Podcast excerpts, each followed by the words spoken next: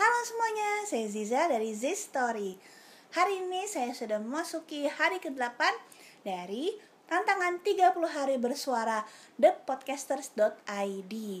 Hmm, tema hari ini adalah bingung. Temanya bingung, saya juga jadi ikutan bingung. Ya bingung ya.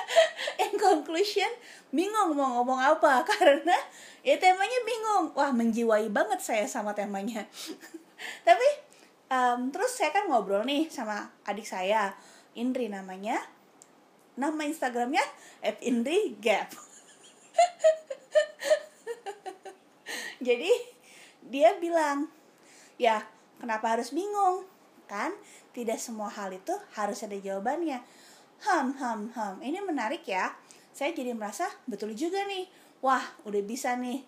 Dia itu jadi salah satu admin untuk kutipan bijak hari ini di Instagram atau mungkin Pinterest gitu ya kan itu bisa aja sih. I will support. Yeah yeah yeah ya mungkin. Namanya juga bingung ya bener-bener jadi bingung nih ngomong apa. Nah tapi melanjutkan kembali dari apa yang disampaikan oleh Indri bahwa tidak semua hal itu harus ada jawabannya saya jadi tertarik nih untuk bahas hal tersebut. Kenapa kita harus mencari jawaban. Padahal kita bukan padi. Ketahuan zamannya ya bun. Ya. Ya. Buat yang belum tahu ada sebuah lagu dari padi grup band padi bukan dari sawah ya. Itu judulnya ada menanti sebuah jawaban. Menanti kan ya bukan mencari. Ya pokoknya gitu. Nah jadi kenapa kita membutuhkan jawaban? Karena kita bingung. Ya balik ke temanya. Jadi kebingungan itu biasanya kita rasakan karena kita butuh sebuah afirmasi, sebuah keyakinan.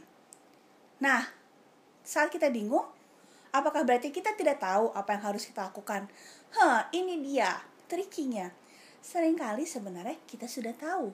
Bahkan, most of time, hampir 100% kita sudah tahu apa yang harus kita lakukan. Tapi tentu saja tidak kita lakukan. Kita memilih untuk berdiam, kita memilih untuk menggalau, kita memilih untuk membingungkan diri kita sendiri. Apa yang harus kita lakukan? Padahal jawabannya tuh ada di depan mata, ada di dalam diri, ada di dalam diri kita. Kita tuh sebenarnya tinggal mencari aja jawabannya. Tapi tentu saja kita tidak mau kita memilih menggalau bersama dengan lagu-lagu patah hati, memilih untuk mendengarkan lagu galau, memilih memandang senja. Karena apa? Karena kita tidak berani untuk melakukan pilihan tersebut. Nah, itu dia sih menurut saya. Saya sendiri sering banget anak galau ya bun saya sering ada di posisi tersebut saya sering berada di posisi yang bingung, tidak tahu harus memilih yang mana. Bukan karena saya tidak tahu apa yang benar, apa yang harus saya lakukan, tapi karena saya tidak berani melakukan apa yang harusnya saya lakukan. Bukan tidak berani juga sih, tidak mau mungkin ya. emang nggak mau aja gitu kan. Karena memang saya belum yakin apakah saya siap menyakiti hati saya. saya belum yakin mana yang lebih menyakiti hati saya. Saya mengikuti apa yang benar secara logika atau apa yang benar secara hati nurani saya.